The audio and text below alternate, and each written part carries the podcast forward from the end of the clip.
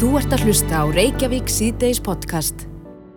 Reykjavík síðdeis á bylginni, e, færsla Ilmar Kristjánsdóttur, leikonu, vakti aðteklið þess að hún var að ræða um lestur. Mm -hmm. Hraðlestur, lestraprófin svo kölluð, það sem er mældur uh, hraði barna þegar þau lesa mm -hmm. og sem finnst þetta tímaskekkja. En mitt hún var að tala um svon sinn sem hún segir að, að lesi mjög vel mm -hmm. og stilji það sem að hann les, en e, gaggrinir þess að ofur áherslu á lestra hraða. Emmitt. Á línunni er Svafa Þóraldur Hjaltalín, hún er læsisfræðingur, grunnskólakennari og verkefnastjóri við rannsóknarseturum mentun og hugarfar. Góðan og blessaðan daginn Svafa. Já, góðan daginn. Þú hún á eintalega fylst með þessari umræði í dag. Um, Já, ég hef ekki komið sjá því. Nei, hvað finnst þér um þessa fæslu Ilmar? Því ég bara fagna fæslunarnar. Ilmar er hérna, hefur rödd í samfélaginu og, og ég fagn henni og ég veit að það gerur það margir og maður sérst það bara á viðbröðum bæði hérna hversu mörg kommenteru, hversu oft henni verið deilt þannig að hún er að tala fyrir hand margra fóreldra Er það þín tilfinning að þetta liggi svolítið þungt á fóreldrum?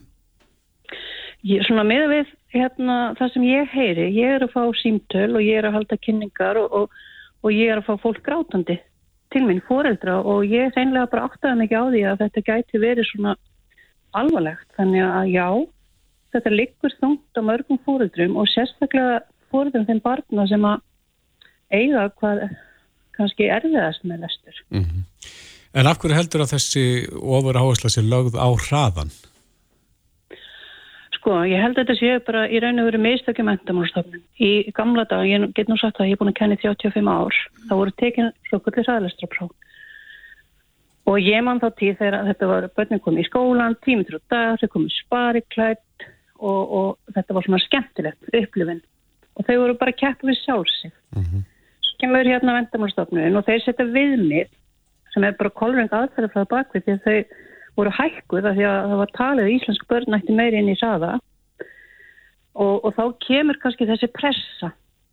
Það er viðmiði eitt og undir viðmiði að þú er besta viðmiði þannig að það kemur svona þessi pressa. Mm -hmm. og, hérna, og, það, og kannski líka það sem breytist að verum að lesa uh, mæla börn í lesfim eða lesfraða eins og ég kýsa að segja.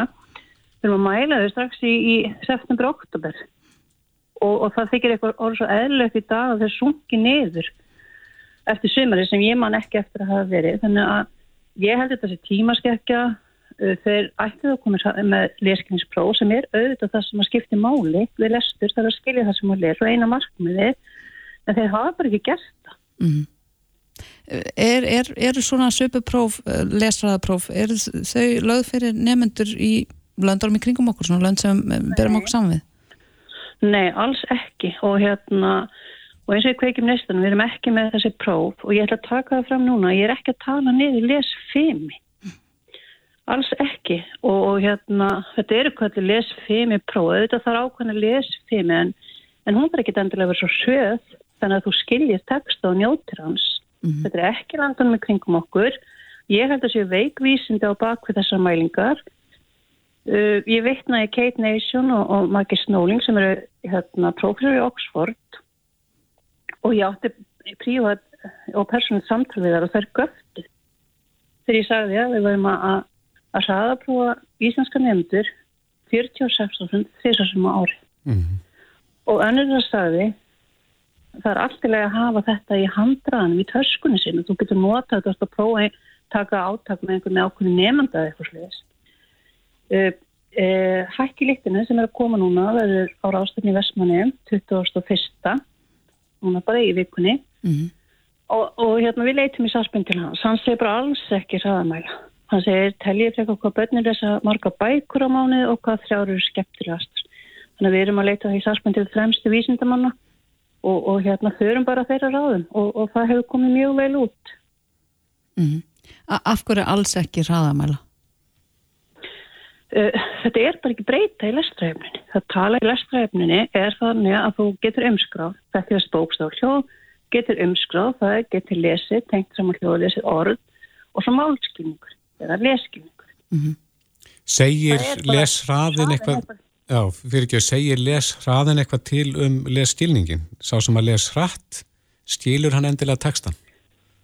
Sko, nú ætlum ég bara að veitna í fóreldra sem hafa, hafa sambandi mig. Ég bara í nokkuð stórum stíl. Mm -hmm. og, þeir, og bara núna síðast áðan að, að hérna barni les mjög hratt en þegar fóreldri spyr um hvað er að lesa þá getur það ekki sagt það. Þannig að það er ekkert sama sem er með þess að lesa hratt og skilja vel. Alls ekki. Mm -hmm. Ég er eina hæglega vinkunni sem að lesa alveg rosalega mikið.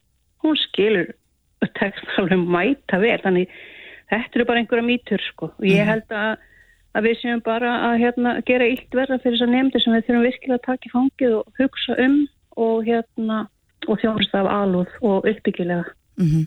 En mér langar að spyrja það svo að út af því að þessi fæsla Ilmar hefur ekki mikla aðtegli og maður heyrir þetta í kringu sig frá öðrum fóreldrum sko búin að heyra þetta lengi mm -hmm. um, en það virðist fóreldra virðast ekki láta í sér heyra svona ofinberla allavega Nei, kannski er það bara einhver ótti. Mm.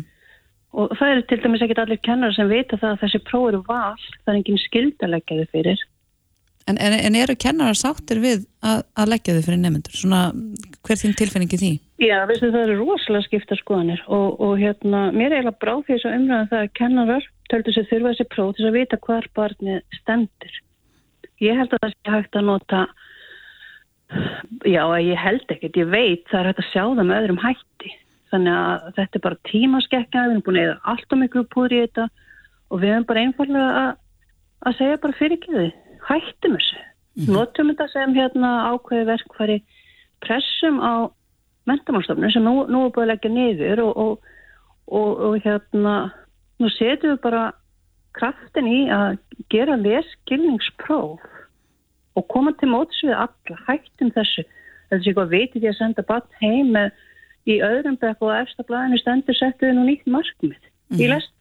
lesfimi maður getur svona því, sko. maður getur ímynda sér að þetta gæti orðið þess að börn hefði ekki gaman að þeir lesa ef þau standa sér ítla á þessum prófum. Já og, og það sem gerist líka það er ekki bara það að þau hafa ekki gaman að þeir lesa. Þau brotna. Þau brotna bara. Þau upplifa sig heimsk til dæmis. Mm -hmm. þau get ekki. Og, og þetta, þetta er svo mikil ábyrða hlutur og við eigum bara að fóra að takast á þetta og, og, hérna, og vernd eins og ég segi verndum þessi börn sem fara að venda kennum að lesa þau geta lært að lesa þau lesi ekki eitthvað rosalega rætt kennum þeim að njóta mm -hmm. og búin til gæða stundir með þessum börnum og og tökum þetta af þessa byrði af aukstum fóröld. Nú eru tímamáti á mentabálastofnun. Já, heldur betur. Hvaða breytingar myndir þú vilja sjá þar svona þegar það kemur að þessum hlutum? Sko ég er rosalega spennt að sjá kannski hérna, já þessum hlutum, ég er bara rosalega spennt að sjá uh, nýjan fórstuðumann leita í, í sarp fremst vísindumanna og sjá hvað þeir segja. Þannig ég held að það sé númer 1, 2 og 3.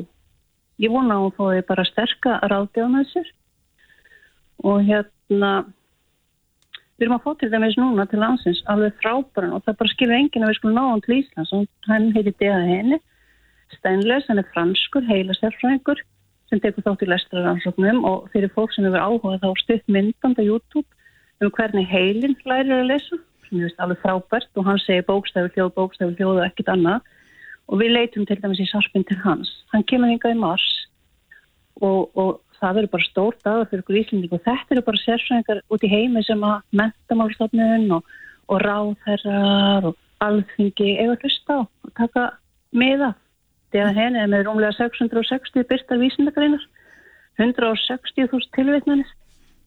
Það er sko rosalega mikið í vísindaheiminum. Þannig að það sem þú ert að segja er í rauninni að stefnan á Íslandi sé ítla ígrunduð bara vanhugsuð í rauninni?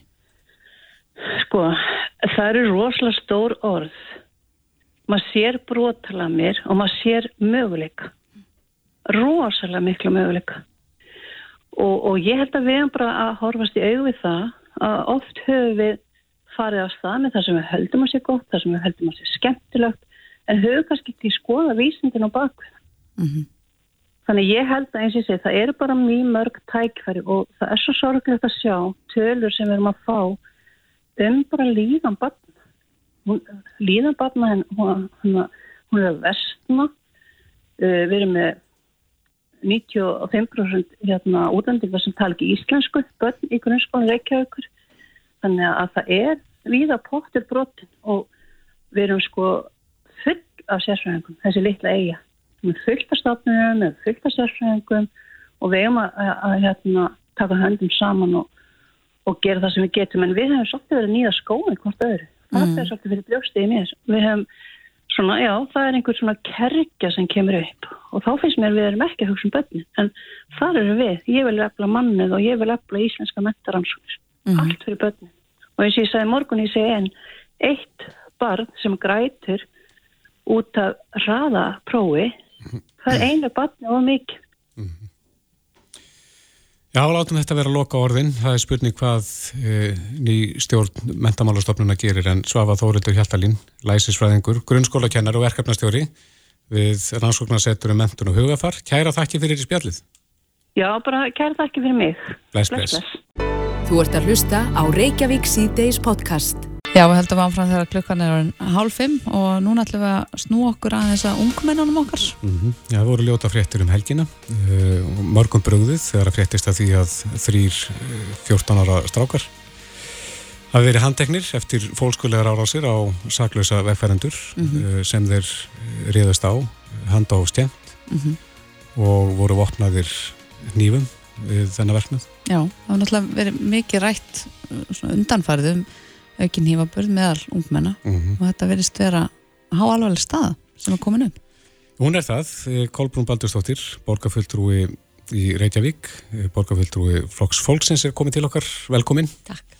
Já, þú þekkti þennan máluflokk vel, þú ert náttúrulega sálfræðingur til margra ári eða ára tuga. Já, passar, ég kom inn yfir 30 árin uh, og var síðast sálfræðingur á heilskessustöð, þannig ég fór í borgina. Mm -hmm. og það ráður í skóla og ég hef verið í barnavendamálum í mörg herrans ár og um tíma, já nokkur ár var ég yfir sálfræðingur á stuðlum.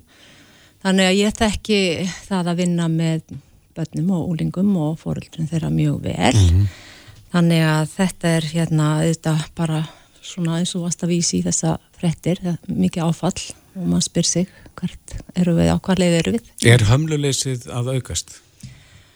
Það er eitthvað að breytast, ég held að flesti séu sammálum það, einhver menning eða hvað það er, en það er kannski þess vegna sem að við í flokki fólksins erum að fara að leggja fram í borgarstjórnamorgun tillögu um að borgin svona sem staðist að sveita félagið verði mhm. leiðandi í þessari umræðu og það verði settur á lakirnar hópur hvort sem hann verið þveið pólitískur eða bara með sérfræðingum í til að solta að skoða þetta, kortleggja þetta og afla upplýsinga, sapna því saman á eitt stað og koma kannski þá líka með hugmyndur um aðgerðir og hérna og já bara hvernig á að bregðast við. Mm. Uh, núna erum við bara svolítið að tala um þetta og sjokkarast en við þurfum einhvern veginn að fara að fóta okkur í þessu og líka til þess að bara sjá hvað við getum við gert í mótvægi, sem mótvægis aðgerð og viðspyrna mm -hmm. því að við viljum ekki að þetta þróist í þessa átt en það er einhver svona klárlega bylgja í gangi og búin að vera núna síðustu vikur ef ekki mánuð, ég man svona tilvík frá því í sömar líka mm -hmm.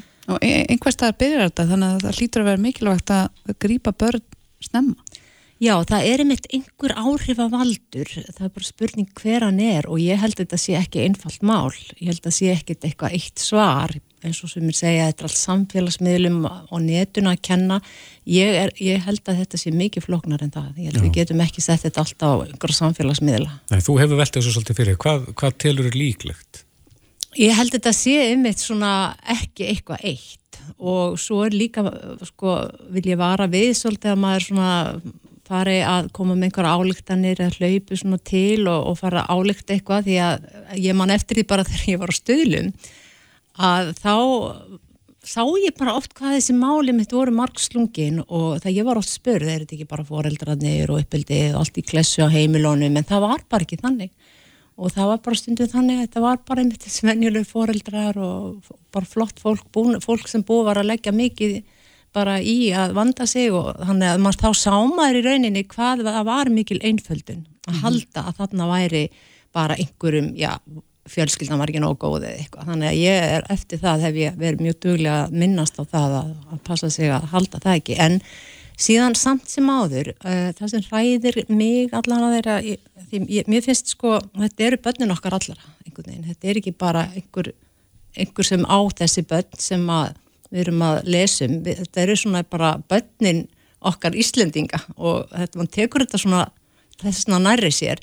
Og ég spyrir mig þetta bara hvað er þarna, hvernig tilfinningar eru þarna, reyði, svekkelsi en líka ég spyrir mig hvað er samkendin mm -hmm því að líka þegar maður sér svona skýran ásetning það er það sem maður held ég að hræðir mann langt mest því að úlingar eru ofta áhættisæknir og maður mann það sjálfur þegar maður úlingur um að gera einhverja skandala svona en svona sett svolítið á úlingsárin mm -hmm.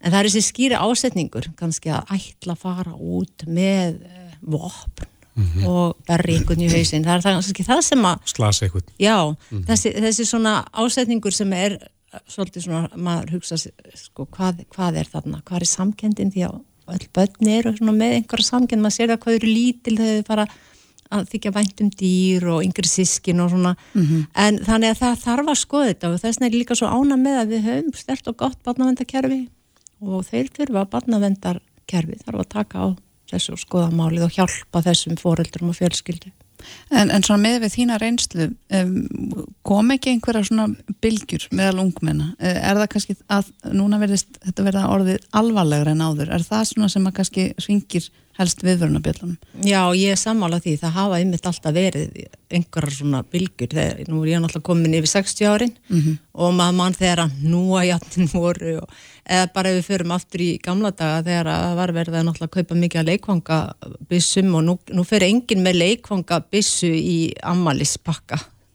og gefur en það er hérna, jú það er einmitt, þetta er svona kannski nýma nýmabörður og, og krakkar tilvikum að krakkar séu með bara vopn í skólatöskunni mm -hmm.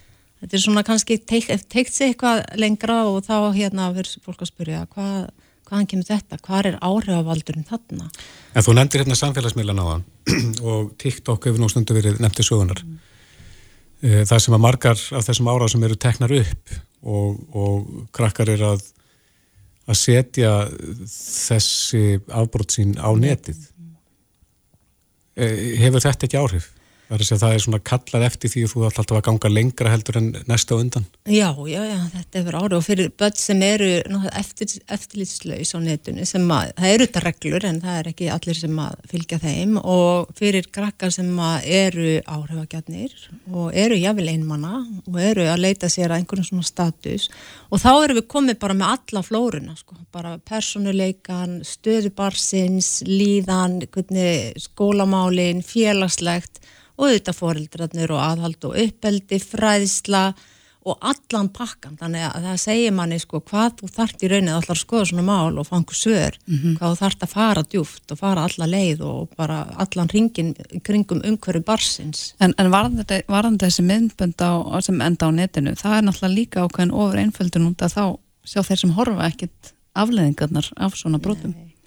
Ég var, man eftir því þegar ég var skólasálfræðingur þá fór ég hérna, því þá var ég, mikið einilsmálan og ég fór í bekki, bekkina í skólanu sem ég var ný og þá talaði ég um þetta, það sem maður sittur á neti, það er ekki bara myndir, það er líka bara orð og alls konar svona anstíkilheit, en þetta lifir og það þarf ekki nema að taka bara kópið að þessu.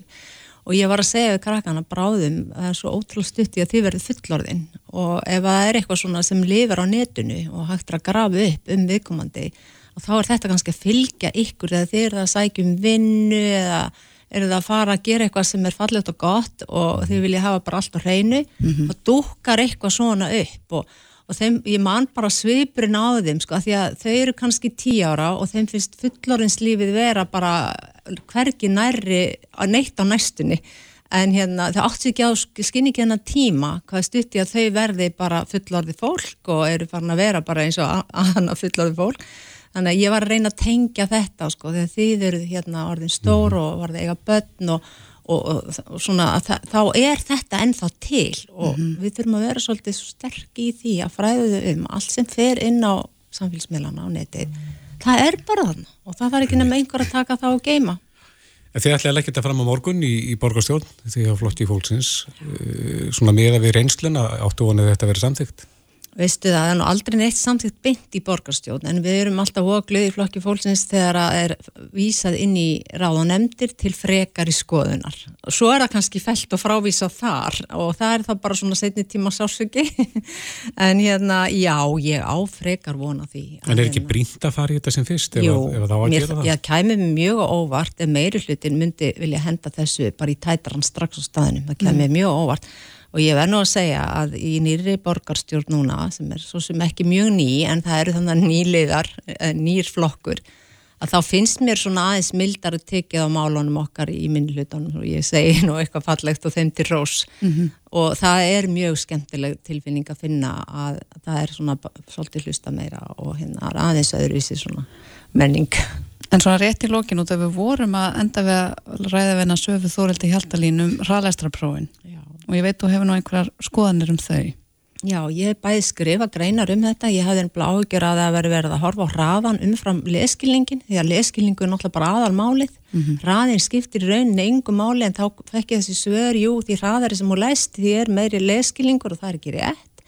Og ég var með með tillögu um að ég vil ekki þessi hraðlæstra próf, ég séð bara krakka mjög stressaða og þetta, þetta er ekki til neins þannig laga séð en ég myndi vilja breyta þessu þannig að þetta má svo sem vera þarna til ef bæði barn og foreldra sækjast eftir að vilja prófa svona en alls ekki að öðru leiti en þessi tillaga var nú reyndar fælt í skóla og frístundaráði Hvenar? Það er bara, var núna bara í, á þessu ári, bara í öðru megin við sumarið, mann ekki alveg. Eitthvað rauk sem að fylgja Já, því? rökin voru bara mjög þannig að í bókun meiri hlutans voru þau í rauninni alveg sammála mér og leskilning var þetta aðalatriðið og, og ég, ég eiginlega bara, það kom bara mér mjög óvart á hverju þetta, þessi til að fekk ekki einmitt bara verulega jákæð viðbröð en hún var felt með meiri hluta meiri hlutanum í Það að Þannig það að verði það fór hún. eitthvað endur skoða núna eftir svona umræður dagsins Já. dag og sem væntalega halda áfram eitthvað inn í vikuna. Já, algjörlega, við þurfum bara að halda þessu á lofti og þannig er einmitt svona tækifæri finnst mér, maður kemur kannski með tillögu sem er í raunin bara svo, ég meina ákveður ekki, ákveður ekki bara hafa þetta val, þetta er engin nöðsin og þannig hefði ég vilja sjá skóla og frístunda svið sem er varmi umsögnina, bara og, og ráðið fara bara alla leið og segja bara já, heyrðu þetta er bara flott til að við samþykjum hann. Mm -hmm. Einmitt það. Já, uh, Kolbrún Baldursdóttir, ótviti Flokks Fólksins í Reykjavík. Takk kærlega fyrir spjalli. Þetta er Reykjavík C-Days podcast. Það voru margir sem að fylgdist með bakarðslöpunu. Mm Rosalega margir, það var, því var streymt beintinn og vísipúndreis og, og samfélagsmiðlum. Já, en það er þetta ofurmannlegt að fara svona langt eins og þetta fólk sem að var hérna nánast að allan tíman. Já, maður getur eiginlega ekki ímynda sér hvernig því líður. Nei, en það var Gríndur Íslandsmeistari, Mm -hmm. Þorleifur Þorleifsson. Einmitt. En það voru margir með augun á þeirri sem lendi í öðru seti. Jú, vissulega. Uh, ofurhlaupakonan er hún nú kalluð. Já. Uh, Mari Jersk, hún lendi í öðru sæti og hún er á línunni. Góðan og blessaðan daginn, Mari. Góðan daginn. Hvernig líður þér? Sko, mér líður bara fínt. Ótrúlega en satt, jú, jú, mér líður bara mjög, mjög fínt mér er það aldrei á fyrir störf, sko. Mm. Ertu búin að sofa eitthvað? Æ, ég fyrir eitthvað lítið, sko, þú veist, ég, við komum heim eitthvað milli held ég tvö og þrjú og hérna, já, svo voru stelputar alveg heil lengi hjá mér og ég held, ég man ekki alveg hvernig við vöknum, sko, og svo er búin að vera bara gestastand allan dag. Mm. E- En uh, þess að þú uh, fóst í þennan uh, 37. ring, náður ekki að klára hann og, og það var hérna fréttin á vísi að, um að þú hefði nú verið svolítið ólík sjálfur þér þarna undir lokin. Já, æ, þetta sko, þetta hlaup bara byrjaði bara hræðilega hjá mér og alveg frá byrjun til enda var það, þannig ég var svolítið svona bara, ég var bara eiginlega að ég var bara ekki fyrsta manneska til þetta út, sko, ég verði að viðkynna það því að mér leið bara illa allt hlaupið, veist, það var bara, það bara gerðist eitthvað og ég veit ekki nákvæmlega hvað, þú veist, jú, jú, ég gerði fylgta mistökum til dæmis. Nú eins og hver? Bara til dæmis að ég fór að stað uh, fyrstu ringina, öruglega alveg nokkuð marga ringi aðeins svo hratt fyrir mig það sem ég vön að gera. Þú veist, ég vön alltaf að klára ringin á 50 minutum en að því ég mér langaði að njóta smá félags, þú veist, félagskap út af því þetta er miklu minna. Þú veist, það er bara hérna heimsmeð, veist, landslýsfólkið í þessu, þannig að veist, við vorum svo fá og hérna, og mér langaði að njóta aðeins ákveðin samveruna og þú veist, þá bara valdi ég bara ákveða fólk til að vera með smá og það var bara alltaf hratt fyrir mig. Mm, þannig að það er kannski svona það helsta sem þú gerðir. Já, það var svona byrjunin eiginlega á því að fokka öllu upp, sko. Mm, og svo bara var það bara í drakk í drakk. Ég var náttúrulega, ég er búin að díla við allt sumar viljafælsbólguna þannig ég vissi innst inni það verður vandamál. Mm það var bara tímaspursmál og svo eftir 50 km var ég bara virkilega, ég gæti eiginlega ekki stíið í hælinn. Þannig að þá mætti sjúkraþjálfari minn Lindur Það er bara að bjarga í lífinu mínu sko. Mm, þú veist, og leiði hún var búin að taka smá á mér það gæti ég leipið tvo ringi, skilur það? En svo var ég bara aftur komin í byrjunastík gæti maður stíð á fótinn. Þannig að það var bara, þú veist þú veist, ég er búin að hlaupa 100 km það leið mér eins og ég væri búin að hlaupa 250 á, Þú veist, þannig að þetta var bara þú veist, fólk segir slæm hlaup, nei það var bæði að mínum mistökum og það var eitthvað að út af því að mér leið alltaf illa þegar ég stoppaði. Mér leið best þegar ég var bara ferðin að hlaupa en svo mér leið og ég hætti. Þú veist, ég var bara slefandi. Þú veist, ég var svo, þú veist ég hefði geta bara rótast hverju einustu stoppi, skilur það? Ég vil samt bara uh, skjóta hérna inn í Mari eftir þessa ræðu þína að þú hljópst rúmlega 241 km Nákvæmlega, ég veit á, maður er mitt, maður gleymið því sko, en þú veist, markmið var að vinna, fattar þau, Mm. Og þegar maður næri ekki markmiðin, þú veist, það var svolítið svona, veist, ég var náttúrulega einmitt, ekki ég sjálf í þessu laupi, bara því ég var bara hálf lasinn, skilur, mér leið ekki vel allt laupi, þú veist, það var einn kringur sem mér leið vel, og það var einhvern veginn bara svona þegar, veist, alveg enda lók, þegar ég var bara svona, ætlaði sko tíleitt að þetta mér í gang, og ég hljóp hringin allt og hratt fyrir mig, að ég var bara komast í geggjaðan gýr, sem þýtti að ég stútaði allt sem var að stúta, hægt að stúta, skilur Mhm, einmitt. þá var ég bara, þú veist, ég gati ekki næsta hring lífta fæturnar, sko, ég var svo búin á því Mhm. þannig að þú veist, það er bara saman blanda fullt af místökum En Mari, það veku líka alltaf jafnmiklega aðtekli sko reykingarnar og nú það þe- þekkt, þekkt fyrir það. Hann segir hérna Tómas Guðbjörnsson hjarta og lúnalæknir Skulun, varstu búin að sjá fæslun hans á? Heru, já, já, vinni minn er eitthvað um þetta í gær Já, að hann er alveg sannfærin um það að ef þú myndir hætta að reykja já, að þá er yrður bara á heimsmæli hverða. ég er það nú náttúrulega nú, þegar, hann bara kannski veit ekki að því Já, en, en ennþá ég- betri.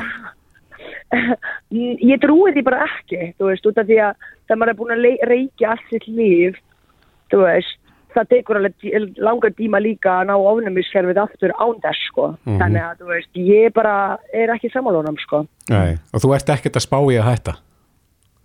Því mýður, það verður bara að setja sig við það, sko. Þá er það vel að spyrja sko hvort þú hefur tölnaði hvað þú reyktir mikið á meðan á hlaupin stóð? Ég reykja alls ekki mikið, sko. Æ, alls ekki, ég fór ekki einu sinni með heila bakka, sko. Nó, Nei. já, já. það er mjög lítið fyrir Mari, sko. Það er lítið fyrir Mari. já, Heldur að það er kannski bara sett strik í reikningin. mögulega. Já. mögulega, þegar allt er einhvern veginn, hvort sem er eitthvað svona, þá, já, þú veist, þá verður maður að sætta sig líka við ákveðna ringi, þú veist, náttúrulega þegar sjúkraþjálfurinn datt inn og, og allt þetta, þá, hérna, þú veist, þá setti maður allt þetta í forgang til að alltaf út sem lengst, sko, Mhm. að ég, eins og ég segi, þú veist, með leið hræðilega þegar ég var búið með, þú veist, 50, með leið hræðilega þegar ég var búið með 100, skilur það, og ég var bara, er ég í alvöru að fara að vera fyrsta manneski sem dettið út, Mm. þú veist, að ég bara trúði raunverulega að það gæti gert en þá verð ég að að ég leik það illa ég verð að spyrja þig Mari sko eftir svona hlaup eins og þú ert að lýsa hvort líði verð í líkamannum eða í egóinu að hafa ekki náð uh, sigrinum? Um, sko þú veist, með leit svona þú veist, hvað ég var að segja þú veist, ég hlaupi nú sjálfum þegar ég var búin að átta mér á hvað er að gerast í síðasta ring þá var ég bara, þú veist, ég gerði mitt allra besta, skilur það? Mm og, veist, og ég bara, ég náði ekki klára ringin sem ég reyndar vissi ekki út af því að, sko, úrið hefur stoppið eitthvað þegar ég datt þannig ég var alltaf að fylgjast með úrinu að ég hafi tvær mínútur eftir til að ná, skilur það Já, þú helst þú ætti nægan tíma. Þegar krakkarnir hlupa móti mig, þú Mhm. stingura mínar, bara eitthvað að betta mig áfram, þá, og ég bara eitthvað svona, nægis ekki alveg, það eru tvær minnur í. Og það er bara, nei Marið, þú ert dottin út. Ég bara, Mhm. Hæ? Hvernig er þetta hægt? Ég bara, úrið mitt segir 58, sko, Mhm. skilur það. Og þá voru eftir kannski 200 metrar að hlaupa, þá hefur úrið stoppað þegar ég datt, skilur það. Já, en hvernig var þér við þessa fréttir? uh, ég var bara ægætt jöfillin, skilur það, þú veist, en þú veist, ég var alveg búin að reikna með því, þú veist, Þorleifur var bara feskur, Já. þótt hann öruglega verið líka orðin þreyttur, skilur það, hann bara tók Mari á þetta og var bara vestur. Já. Varstu kannski pínu fegin? Varstu kannski pínu fegin? Æ, ég- en alls ekki, sko, því, þú veist, fyrir mér var þetta bara, þú veist, bara fremtið, skilur það. Mhm. Þú veist, þetta var bara, ég þurfti að vinna þetta keppni, skilur það. Mm. en þú veist, ég hef enda möguleika þú veist, ef ég gerir vel í hérna veist, ég er búin að sagt skrá mig í 20. mæ í Þískalandskeppnina Mhm. þú veist, þar er, sko, ef þú leipur meira en 50 ringi, eða 50 eða pluss þá getur ekki en, ennþá komist inn í þennan stærsta laupið Já, sem er í oktober eftir ár að heimsmestaramótið bara- í þessum bakarslöpum. Já, Mhm. og það er náttúrulega draumurinn þannig ég ætla núna bara að byrja bara upp og nýtta einbytta mér að því að, þú veist, ná 50 ringi þar, skilur það Mm að því að, já, eins og segja, ef ég næ því þá er ég komin í keppnuna sem ég langar að komast í. Hvað áttu, þitt besta voru það 43 ringir? Já, það Mm. voru 288 km. Uh, Hvað er heimsmetið? Heimsmetið er eins og staðan er held í 603, en svo náttúrulega er bandaríkjumenn, það eru ennþá hlaup, að þú veist, það er fullt af fólki ennþá hlaupa, sko. Keppnin er ennþá í gangi. 603 kílómetrar, er það heimsmet, Já, það heimsmetið? var gert í þarna Þískalandi fyrir áru síðan. Hvað er það margir ringir? 90. 90? Já. Vá. Ok, en sko, svo tóku eftir því Mari að meðan þú varst að hlaupa greinilega að líða vítiskvalir eins og, eins og lýsir að þá Já. var sko al, var alls konar fólk á samfélagsmiðlum að kveikja svolítið á þér byrja að sapna fyrir þig og til þess að þú getur orðið bara atvinnu ofurhlaupari Ég veit það. Og það er draumur, skilur það. Og vinni mínu náttúrulega eru bara eins og segja. Þú veist, ég, veist, ég hefði klárlega ekki klárað þetta hlaup svona eins og ég gerði í gerð. Þannig að ég er mjög þakklátt að ég hafi komið stanga þótt ég hafi ekki unnið, skilur það. Þú veist, það er engin eftir sjá, það er ekkert. Þú veist, ég er einhvern veginn svona, svona, svona bara tilfinningar að dofin aðalega, þú veist, eins og ég voru þegar ég kláraði, ég var svo meir og, veistu hvað ég meina? Þetta var svona meira bara, þú veist, I did it en núna bara leið mér bara eins og þegar við komum heim í, gær, eh, í morgun eða hvað, hvað, hvað kallast þetta þá var ég bara, þú veist, ég gerði ekkert þú veist, mér leið þannig Já. Hvað tekur það langan tíma fyrir því að, að endurheimta þig aftur, fá þig alveg tilbaka?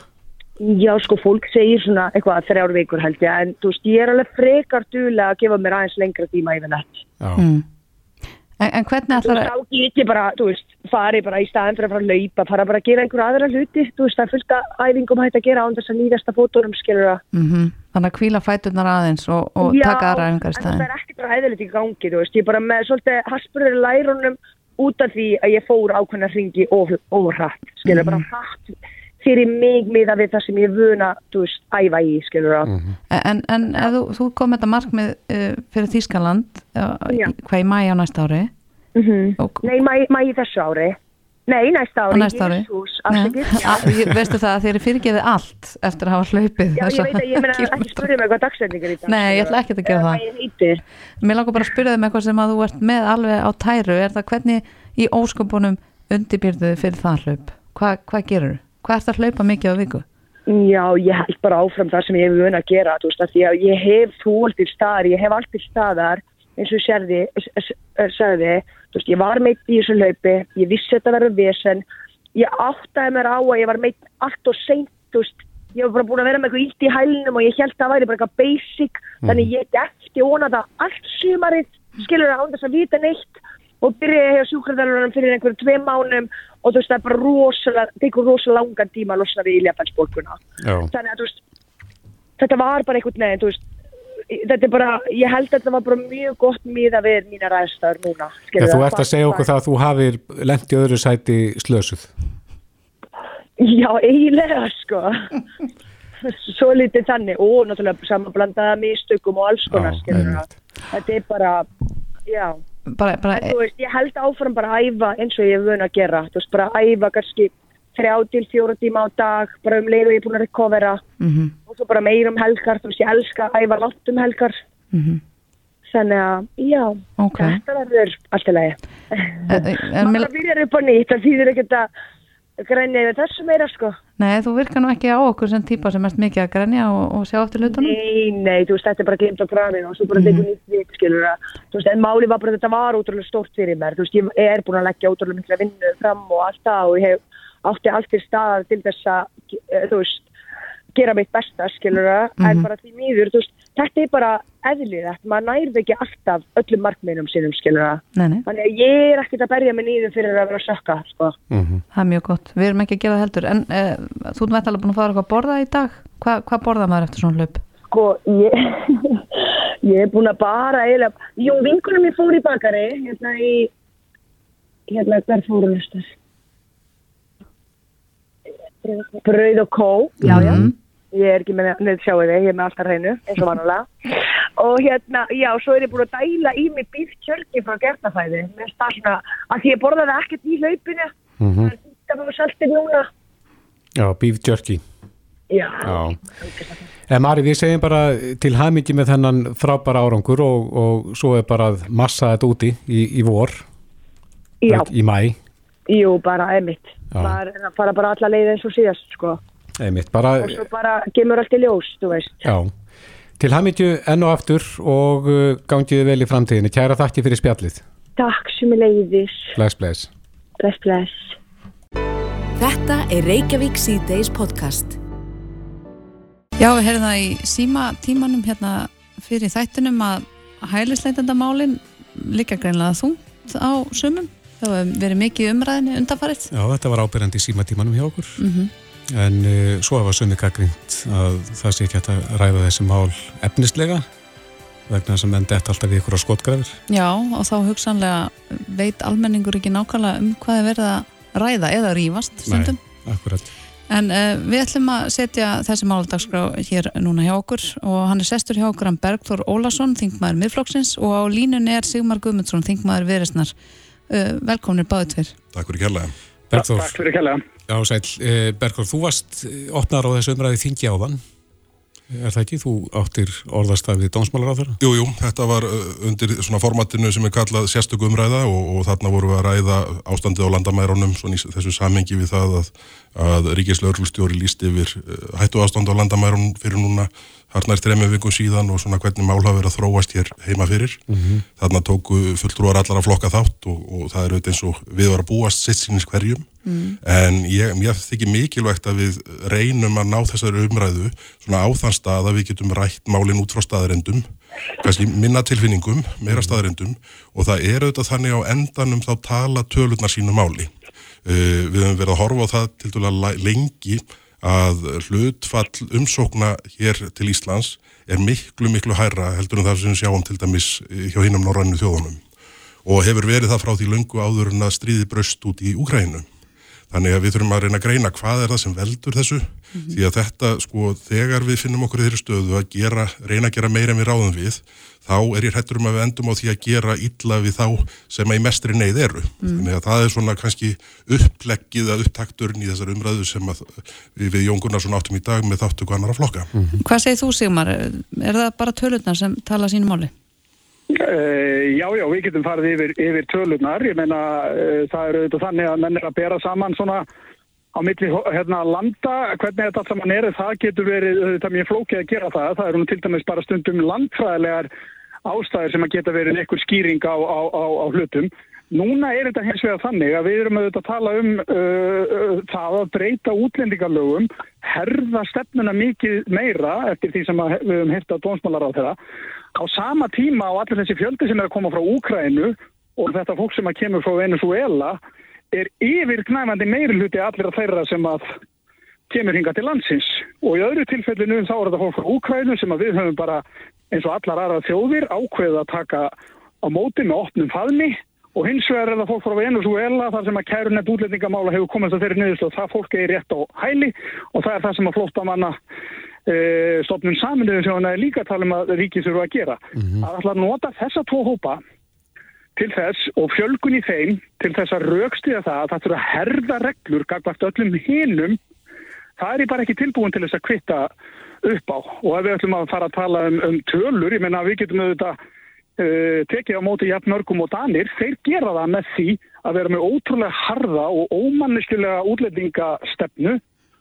Uh, þannig getum við náð niður tölun en við í viðreist og fleiri flokkar erum við myndið að tala fyrir því að við hefum okkur að fara í eináttina. Bergþór, ertu samála því að þarna sé verið að nota rángartölur til þess að raukstiða? Nei, það er ég nú sannarlega ekki og það er auðvitað þannig eins og Sigmar nefni hér þá getur til dæmis landfræðileg stað að þjóða haft áhrif til þess að til aukningar eða, eða dra, til þess að draga úr, úr fjölda umsækjandum alþjóðlega vernd. Mm -hmm. Ef eitthvað er þá ætti landfræðileg staða okkar hér á Íslandi að draga mjög veruleg úr því.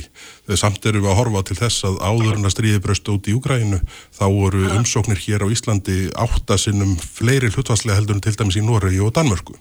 Þannig að, þannig að það er, uh, þannig að vanda, eða svona þessi áhrif voru komið fram löngu áður en stríðið í Ukrænu breyst út, út og ég, þannig að ég held að það hafi verið algjörlega nöðsynlegt að uh, laga til, svona fjarlæga þessa segla sem að hérna, eru innbyggðir í kerfi hér, þessar íslensku, sér íslensku reglur. Uh, ég held að það sé nöðsynlegt að fjarlæga þær og þá svona tel ég einsýnt að, að flæðið muni minga. Við sjáum Já. til dæmis fló, uh, hópin sem er að koma hér frá Venezuela. Það er drúgt hlut allar þeim hópi sem er til dæmis ekki að koma beint frá Venezuela heldur hefur auðvalist annar staðar um langar hríð og verið búsett annar staðar, kemur síðan í gegnum til að mynda spán. Það er auðvitað þannig að kæru, úrskuruð kærunumdar útlendingamála getur hef, ekki hafa átt við fólk uh, sem að er að uh, koma annar staða fráheldur um Venezuela þegar raukstunningun er sá að það sé verið að uh, hérna, flýja óstjórn sósjálistana þar. Hvað segir þú Sigmar? Nei, sko, núna verð ég að fá að gælda smá varhug við því sem að, að Bergþór er að segja. Nú er það auðvitað þannig að fólk sem að kemur frá Venezuela, það kemur uh, af ýmsum ástæðum og með ýmsum leiðum hingað inn í landið og eins og ég var að nefna, flótamannastofnun saminuðu þjóðana telur það svæði ekki örugt og það hefur kærinett útlendingamála komi, uh, komið stað líka hérna heima. Hins vegar er það þannig að það er stór hópur og þetta er, við erum að tala um sögulegt samingi áratögu aftur í tíman, stór hópur sírlendinga sem að býr í Venezuela og hefur búið og hefur flúið líka á samt öðrum íbúum Venezuela yfir til nákvæmleikjana. Þannig að, að það er alltaf verið að vísa í þennan hóp sem að kemur frá Sýrlandi þegar það verið að tala um um, um, um þetta allt saman og, og hérna e, sko og svo er náttúrulega komið alltaf inn á þetta að það sé þarna einhver hópur sem er að misnota kerfið. Lögreglan hefur aldrei gefið okkur neinar upplýsingar um það hverjir það er að vera, hversu margir þeir eru, hvernig er verið að misnota kerfið. Það er hins vegar stundu verið talað um það að þarna inni séu fórnalöfn glæpahópa mm -hmm. og, við því þurfum að sportna og ég spyr, eigum að sportna gegn því en því að senda þessi fórnalöfn glæpahópa aftur út í faðmina á glæpamennunum. Þetta er ekki, þetta er ekki rétt að leiðin til þess að taka þá við þetta. Er þetta að segja, er, Sigmar, er þetta að segja í alvörun að við höfum ekki neina tölur eða gögnum um allt það sem þú varst að uh, tellja upp? Nei, þetta er alltaf allt og við, við fáum alls konar svona hérna meldingar til dæmis frá dónsmálar á þeirra maður lögreglan og yfirvöld sé að rannsaka þetta og skoða þetta. Við höfum spurt lögreglun um þetta en þá er ekki til, tiltakar neinar tölur um það hvað þetta verið stór hópur. Það eru þetta þannig í þessu hæliskerfi og þessu vendarkerfi að það eru þetta misnotað eins og öll önnur uh, kerfi einfallega vegna þess að, að það er hægt að græða pening á því eins og mörgu, mörgu öðru og við þurfum auðvitað að passa upp á fólkið sem hefur verið að misnota í þessu kerfi en við eigum ekki herða reglur út frá einhverjum óljósum skilapóðum yfirvalda þar sem að engar tölulega staðrindir liggja á, á, á, á borðinu. Það er bara ekki rétt að leið. Nei, Bergþór? Uh, Ég held að, nú veit ég að Sigmar er hérna, uh, hefur trú á því sem að Evrópusambandi lætu frá sér mögulega áköplum meira en ég en, en við skulum bara horfa á þær upplýsingar sem þaðan koma. Og þar er matmanna og Europol er á svipuðum nótum að það sé rúmlega helmingur þess flæði sem er að koma hér í gegnum, uh, hérna, gegnum flótamanna uh, hérna, uh, hælis umsóknarkerfin sé með einum öðrum hætti tengdur glæpasamtökum sem hafa gert sér neyð, þessa fólks að fjöðhúfu og ég held að þó ekki væri nema til annars væri mikið á sig leggjandi að, að, hérna, að svona, klippa á þá það tækifæri sem að þeir sem skipulegja þess, þessi, þessi ferðalög standa fram með fyrir og, og hafa eins og ég segi neyð fólks að fjöðhúu og Já, ef okkur tekst það þá, uh, og, og það er nú til að mynda það sem að Mette Fredriksen, uh, hérna, fórsættisir á þeirra uh, fyrir hönd sósjaldemokraterni í Danmörk er að segja, heyrðu, við viljum bara að fólk sækjum á nærsveðunum sínum. Þar sko, tökum við afstöðu þess hverjum við leipum inn og tryggjum þá að það sé góð aðlugum fyrir það sem við tökum á móti í staðin fyrir að finna okkur í þeirri stöðu að, að allt og mikill fjöldi, miklu meiri fjöldi heldur um við ráðum við komið til Danmörkur. Þetta er semst nálgun danskra sósjaldemokrata og þetta hefur nú verið í umræðinni kallað afga hægri mennska og ég veit ekki hvað uh, hérna ógeðslegt og eitthvað þarf eftir fram eftir göttunum síðustu daga. Ég held að þetta sé bara skinnsemi uh, við getum gert miklu meira fyrir peningin á þessum nærsvæðum þess að auðmyggja fólk sem er sannarlega að, að flýja átök og, og, og hérna og, og forða lífi og limum og, og, og í því samhengi eigum við að skoða það að auka samstarf okkur okkar við Skandinavíu þjóðunar til dæmis Noreg og Danmörk. En Berglór, þú, þú sagði hérna í upphafi að tölunar tala sína mál, máli en er þá ekki grunnfórsend að við höfum einhverja tölulegar upplýsingar um hvernig ástandið er hér til dæmis frá lögurglífu völdum? Já, ég hef nú reynd að mitt að svona haga minni umræðu þannig að hafa hana grundvalláðu tölum og þeim tölum sem liggja fyrir. Hlutföllin, hvað var það fjölda umsokna, það, þau liggja fyrir. Reyndar ekki glæni, óttast það nú að þetta er hlutvöldsjórðin en hærri heldur náður var. Við sjáum það að við berum saman eh, ef að spáing gengur eftir um 4500 eh, hælisleitendur hér á Íslandi 2022, þá er það 66% meira heldur en kom til Þískarlands að jafnaði árunum 2015 og 16 þegar Angela Merkel var með sín uh, open door uh, nálgunna, semst bauð öllum, bauð alla velkomna og spurði yngra spurninga.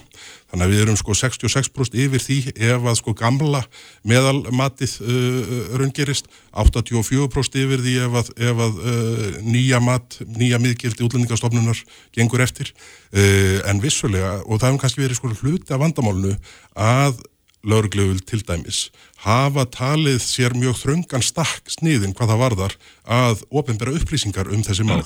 Og við sjáum nú til dæmis uh, uh, Ardís Anna nefndi það í viðtali gær að, að það þetta kemur til reyna að ræða einstakt mál hælisleitanda Það eru auðvitað það sem að gerist eh, reglulega hér á Íslandi að einstök mál hælileitenda rata í fjölumila og, og svona fá aðra meðhundlun heldur en, heldur en kerfið leggur upp með en uh, ég, er, ég held að það sé mikilvægt og, og er þið umræðan til mikil skaks ef að lauruglunni, útlendingastofnun og þessum stjórnvöldum sem að, að halda á þessum málum er þið gert auðveldara fyrir að einmitt leggja fram upplýsingar. Mm -hmm. Upplýsingarna sem ég er að tala um í þessi hlutvöld og, og tölur, þetta eru bara, bara staðrendir sem liggja fyrir og tölurinn tala sínu máli en því meira af konkrétt upplýsingu sem við fáum fram, því betri verður umræðan. Erstu samála því segmar að það þýrt að gera þessu stofnunu kleift að, að gefa og veita meira upplýsingar?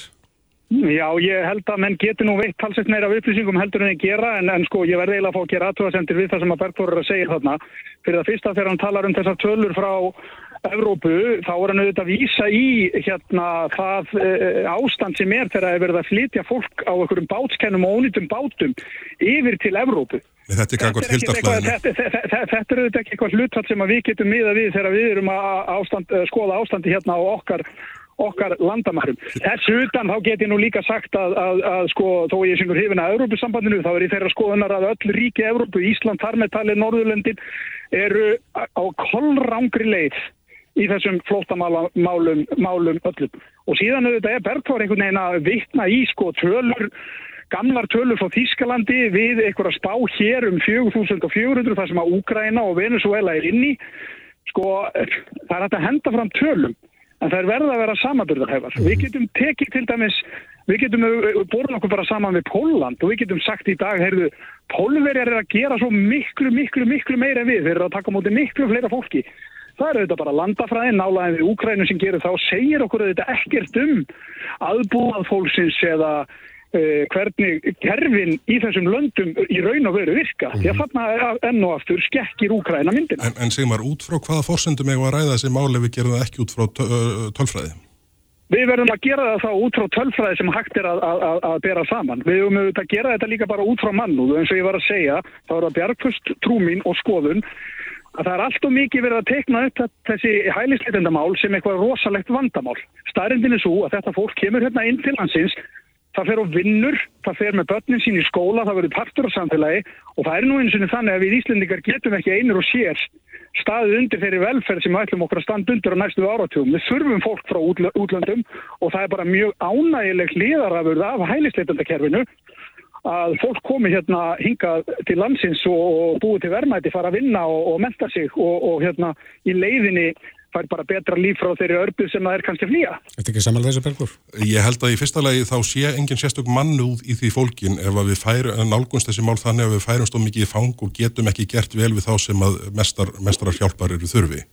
Það, uh, við erum á þeim stað og ég hef nú sagt að ítrekka í umræðinni að við þurfum að leggja mat á það hvað við ráðum við, hvað velferðarkerfin okkar, grunnskólanir, leikskólanir, húsnæðismálin, heilbriðiskerfi og þarfamdíkotunum. Við þurfum að leggja mat á hvað við ráðum við og teljum okkur geta gert með þeim hætti að við styðjum annars vegar við aðlugun þeirra sem koma hinga til lengri tíma eða hins vegar e, fyrir Úkrænu mennina sem er að flæja, flýja strísástandið heima fyrir.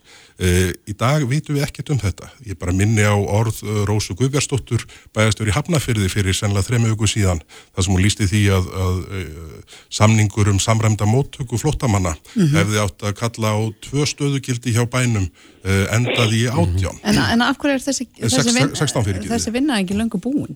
Það er alveg óskiljanlegt og hérna ég hef nú gaggrind það ítrekkað og, og þetta bara eins og ég sagði á þann mér finnst engin mannúð í því fólkin að við færum svo mikið í fang hvað fjöldan varðar að við ráðum ekki við að gera vel við þá sem mestar, mestar, er í mestri neyð. Rétt aðeins að þeir verum að falla á tíma, Sigmar, að þeir verum að falla á tíma, e, það hefur líka verið kvartanda því að við eigum erögt með að fóta okkur í umræðin um þessi mál. Erstu samála því að, að hún e, verður oft svona, já, sifkorum endanum? Já, ég er svolítið samála því, ég hérna, verð samt að segja, sko, við megum ekki láta getuleysi núverandi ríkistjórnar í að skipulegja þessi mál vera einhverja rauksend fyrir því að við getum ekki hjálpa fólki sem er á neyð. Það er bara einfallega hægt að gera betur heldur en að þessi ríkistjórn hefur verið að gera. Ég held að við Bergfólk síðan nú alveg sammála um það. Það þarf ekki að vera fyrirstaða. En auðvitað verður þetta stundum tilfinningarlaðin umræða og Bergfólk kom inn á áðan að, að stundum verða einstök dæmi fyrirferða mikil í umræðinni. Það er þá vegna þess að fólki blöskrar hvernig kerfið okkar virkar það er vandin og svo er alltaf verið að etja saman hópum, það er alltaf verið að segja byttu okkur hérna allir að hjálpa öllum þessum hælisleitendum? Hefur við ekki frekar að hjálpa okkur hérna heima öldruðum og öryskjum ég sé ekki um bæði, við erum ríkt samfélag og við getum allir gert bæði, þetta er ekki þannig að við getum bara einbjöðt okkur einu í einu. Bergþór, umræðan. Uh, Ég er uh sammála því að umræðan hefur verið allt og mikið í skóðkrúfunum og ég tala fyrir því og, og reynd svona halda umræðinni sem, það er hlutennar sem ég hef tekið þátt í á þeim stað að við séum að ræði þetta út frá staðrendum svona grundvallað út frá tölum, hlutföllum hvað við ráðum við, mati sem ekki verið átt í staði, eins og til dæmis varðandi kerfin okkar, hvað við ráðum við. Ég held að sko, það sé mjög mikið til þess vinnandi að uh, reyna að ná umræðinni upp á einhvern plan þar sem við getum, eins og ég segum að núna og, og ég til dæmis komið hérna, held ég tvísvarsinnum og rætt við Arti Sönnu, Þingmann Pírata og það hefur bara verið ágætti samtal við erum ósamála um ýmsa hluti en það, það, það er svona líklegast til þess að færa okkur eitthvað áfram í þessum efnum að við getum átt samtalið öðruvísi en að flagga einhverjum uh, rasistaspjöldum eða, eða, eða öðrum á móti úr hinnáttinni mm -hmm. Einmitt það, ef ekki að hafa þetta loka orðin, Bergþór Ólarsson þingmaður miðflokksins og Sigmar Gumundsson þingmaður viðröstnar. Takk helga fyrir spjallið báðu tver. Takk fyrir okkur. Takk fyrir. Það var frétt í fréttum uh, stöðatvögi gær um mm -hmm. miklu og uh, þar var dregin upp dökmynd af miklum, miklu í skóla, skólum borgarinnar og reyndar víðar. Já, það kemur upp uh, ansi oft, maður hefur oft fréttir af miklu í skólum hinga og þanga. Mm -hmm. Og eitt af því sem kom fram í fréttin í gær er að við erum ekki að byggja nógu þurft. Mm -hmm. Það er að segja, uh, og það er ekki verið að rannsaka þetta, það er verið að að gera í rauninni margar litla rannsóknir út um allan bæ þar sem að menn er að prófa að segja áfram með efni. Já, og kannski ekki haldi nú vel utan en það. Uh, hingað komin Þórun Siguradóttir, sérfræðingur hjá húsnæðis og mannverkjastofnun. Vertu velkomin. Takk fyrir.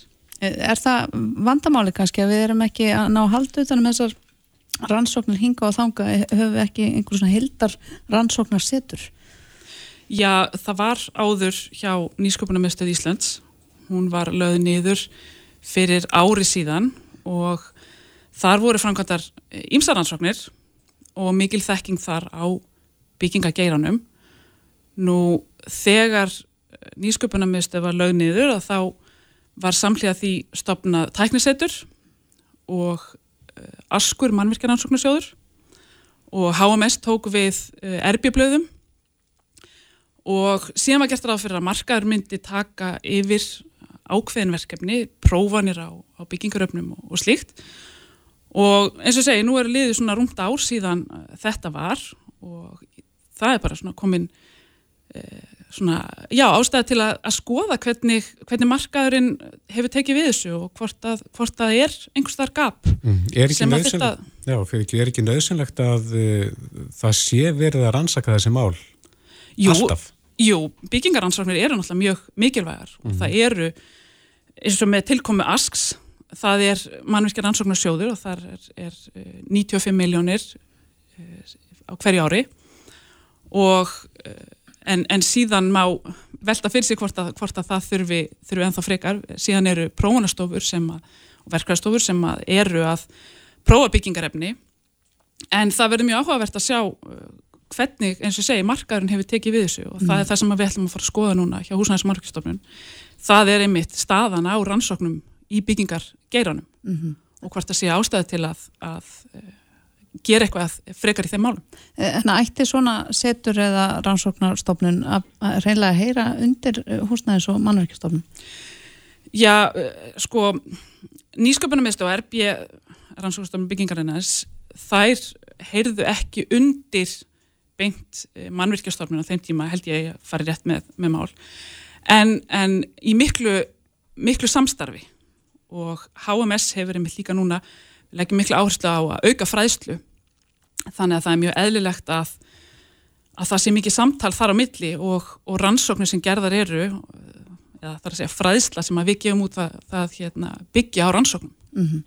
Varandi þetta sem að kom fram í kvöldrættum stöðar 2 í gerð og reyndar í bítin í morgun var þetta með að byggja þurft og þá kannski sperra sumir eirun og hugsa hvernig óskopunum eigum að byggja þurft á Íslandi? Já, það getur verið áskorun. Ég held að það sé engin, engin hérna, efi á því. En, en það er það er náttúrulega fer, fer eftir verk, verkstjórnin í rauninni. Þá þarfstu bara að skipulegja því og, og, hérna, og, og við vitum það til dæmis timpur, timpur á ekki að blotna timpur á að vera þurrt. Steipan er blöyt þegar hún er, er hérna, þegar að vera að hérna, steipa og hún þotnar smám saman en timpur á til dæmis það má ekki blotna, það á að vera, vera þurrt og þá þurfa mennað að hérna passa upp á það. Að byggja reyndar, byggja þá yfir byggingastæðin og, og já, plast, plasta? Já, það getur, það er alveg, alveg hérna, fordæmi fyrir því og menn hafa gert það bæðið hérlendis og erlendis. Mm -hmm. Með góðum árangri? Já, já, já, með góðum árangri, mm -hmm. klálega. Þannig að e, ef við tökum bara stöðuna eins og nér í dag, hefur einhverja tilfinningu, er þetta gerast ofta á Íslandi að það sé verið að byggja yfir byggingastæði? Ég held að það sé að aukast, já. Ég held að, sé, ég held að menn, þeir sem vilja gera vel og gera sig grein fyrir, fyrir áhættinni þeir, þeir eru að gera það mm -hmm. Er þetta hluti af ástæðinu fyrir miklunni kannski að eitthvað leiti? Já, ég hugsa það Já, ég held að sé, það eru margir margir þættir sem að geta, geta leitt til miklu og, og þetta er alveg klálega, klálega eitt af því En hafið þið hjá mannverkjastofnun eitthvað heyrt hvernig þetta er ellendis? Eru við með meira miklu hér heldur en nákvæmlega okkar?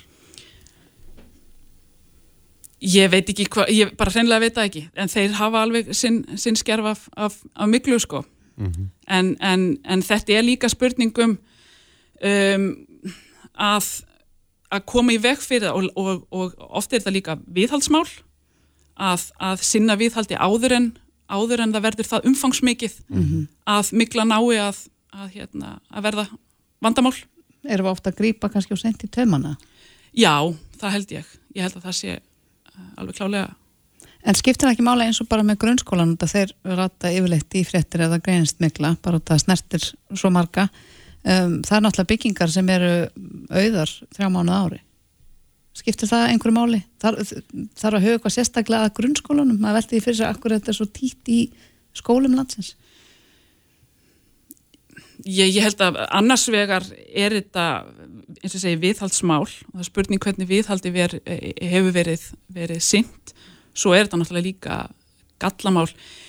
Það að hann standi auður um, ég held að það sé ekki vandamál hér á landi vegna þess að við erum ekkert að skrúa niður hítan endilega yfir, yfir sumatíman þannig að ég held að það ætti ekki endilega að vera einhver stór, stór hluti. Það frekar annars vegar viðhaldsmál og hins vegar hvernig var byggt upprunalega. Mm -hmm. hefur verið staðið rétt til verka. Mm -hmm. Ef við styrkum aðeins undir svona réttu lokin, er þarf á að endurreysa rannsóknarstofnun byggingarinnarins? Já, það ætlum við að kanna. Við ætlum að skoða það mál uh, og, og koma með tillögur ef okkur sínist svo þörfin mhm. vera. Vitið eitthvað hver, hversu, hvaða láka tíma svo vinna menn taka? Við ætlum að reyna að klára þetta bara núna fyrir áramót. Spítilófana. Já. Það er, það er, bara, það er gott mál. Það hljóma vel. Mm -hmm. Þóran Sigurðardóttir, sérfræðingur í húsnæðis og mannverkjastofnun, kæra þætti fyrir komuna. Takk fyrir mig. Hlustaðu hvena sem er á Reykjavík C-Days podcast. Já, já, við hefum að kíkja þess á Daskástöða 2. Já, ég held það nú. Það er nú að komið höst. Mm -hmm. Maður vil vera svolítið inni bara að hóra sjónvarpi á kvöldin. Já, einmitt. En samt að geta flakka svolítið um alland? Jú, það er náttúrulega draumurinn. Já. Vissulega. Kristján Marunarsson er að fara að stað með þættina sína eh, um landallt í kvöld ég vissum að það vil líka vera heim í stofu kvöldanum og sjá svona fallega sveitadali oh. Ertu búin að vera sangaðir í sumar?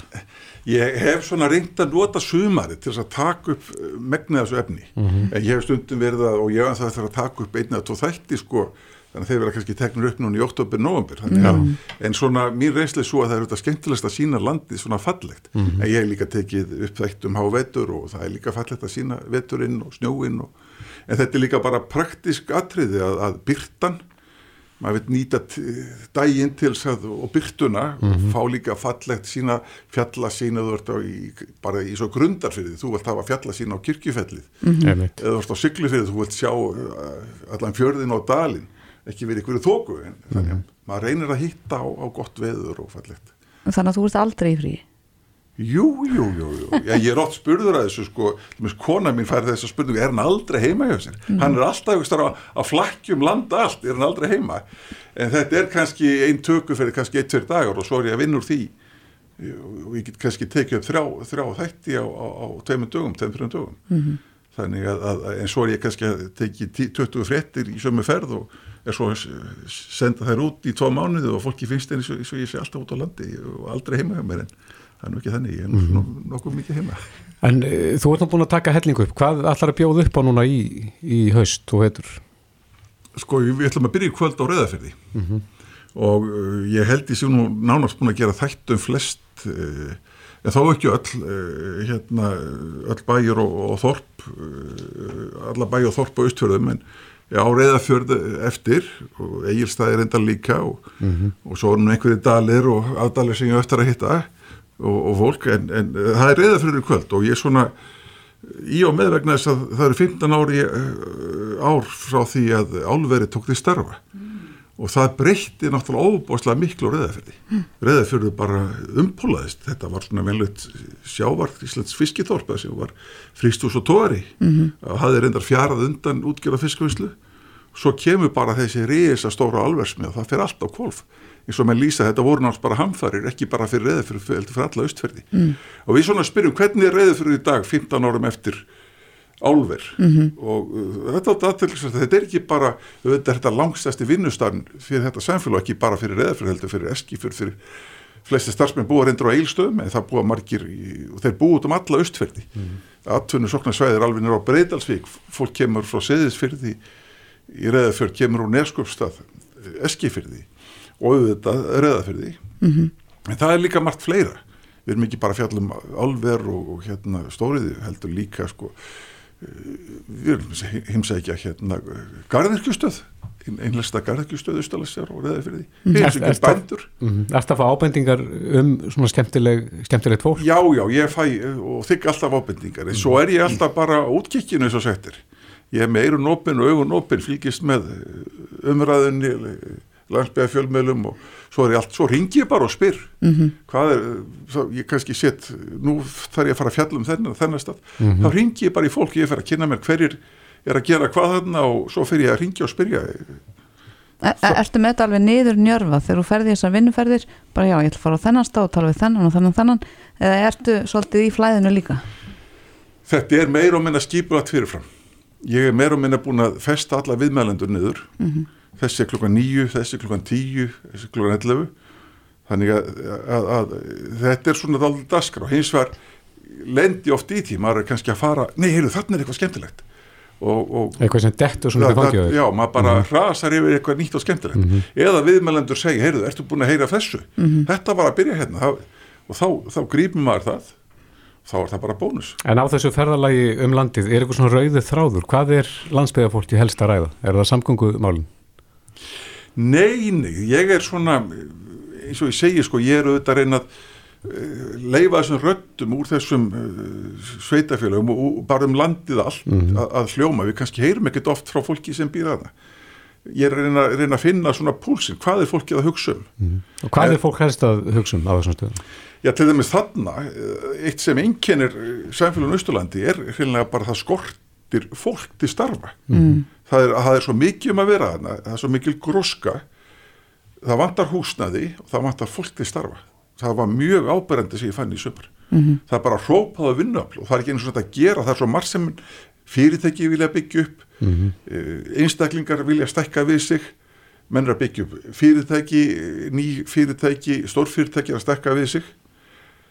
Það bara vantar svo mikið fólk, margt fólk, ég er mér sem lendið því í sömar, ég var alltaf lendið í þessu áður að ég gati ekki fengið gistingu á austurðum þegar ég var að fara á reyðafyrð ég ætlaði að vera hérna í tvo daga, tvo, tvo þrjá daga takk upp uh, nokkra þætti. En það var bara allstar upp okkur gisting. Og hvað gerður ég, Tjaldaðirðu? Nei, ég flög bara mótnu aftur heim að kveldi. Skil. og þannig þetta var aldrei svona en maður þarf þá að skipilegja sig vel. En ástæði fyrir að það var ekki gisting var meðlan svo að fyrirtæki sem vantaði starfsfólk þau hefðu verið að kaupa gistiheimili til þess að koma sínu starfsfólki fyrir Einmitt. þar með drófur sko frambúða að gistingu Já, já. Þannig að við kannski fáum að sjá líka, við þurfum einhverja kvata til þess að halda hérna við byggð, ringin í kringum landi, eða hvað? Já, það er endar sem betur fyrir þetta aldrei gróska um landi þetta er, þegar ég byrja í blæðinu sko í kringum 1980 þá er eiginlega sko landsbyðin og mesta gróskan í sjáabeðun á þá þá er tóver í hverju þorpi og fristi hús og mm óbúslega mikið að vera þorp, venlegt þorp á vesturinn þetta voru 500 manna samfélag flatir í þingari bíldudalur. En uh, Suðureyri, Súðavík þetta var 400-500 manns á hverjum stað.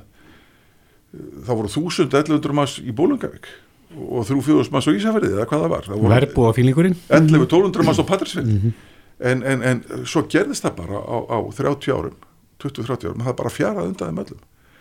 Eh, fóru niður í 200 manns 200-300 manns og ég vil niður fyrir 200 manns.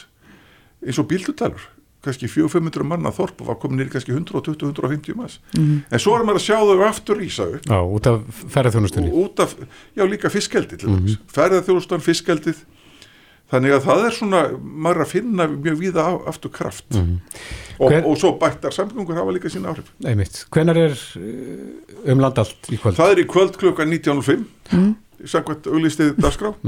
Svo, svo haldaði bara áfram að rúla næstu mandagskvöld og svo förum við að hóla í Hjaltadal, við förum í Fljótin og, við, við förum ekki bara eitthvað langt í burti, ætla, við ætlum að líka að vera með hérna samfélag hérna í kringum Reykjavík bara samfélagi kringum Ellavatn, mjög forvitinlegt svæði og hérna upp með Hólsá það Hva- er svona byggð bara rétt hjá okkur sem við vitum og maklar, maklar svona lindarperlu og líka gaman að sína það. Já, Hva, hvað er þetta margir þættir?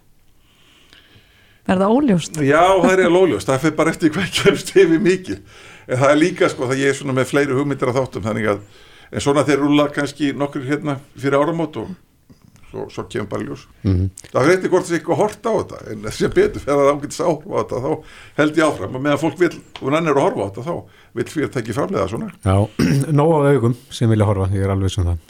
Já, já, þetta er þeirra verið að fá fínt áhorf uh, margir sem, já og þetta er ekki bara fólki sem býr þetta, það er líka við í Reykjavík okkur finnst gaman að, þetta er bara eins og uh, fortkveðina hérna maðurum að skaman, þú vilt vita hvað er að gerast hjá fólkinu hennum og margir tengja sig við þessi staði líka Einmitt. Skreppum út á land með Kristjánum Áinarsinni í kvöld um landallt 19.05. Takk fyrir komina.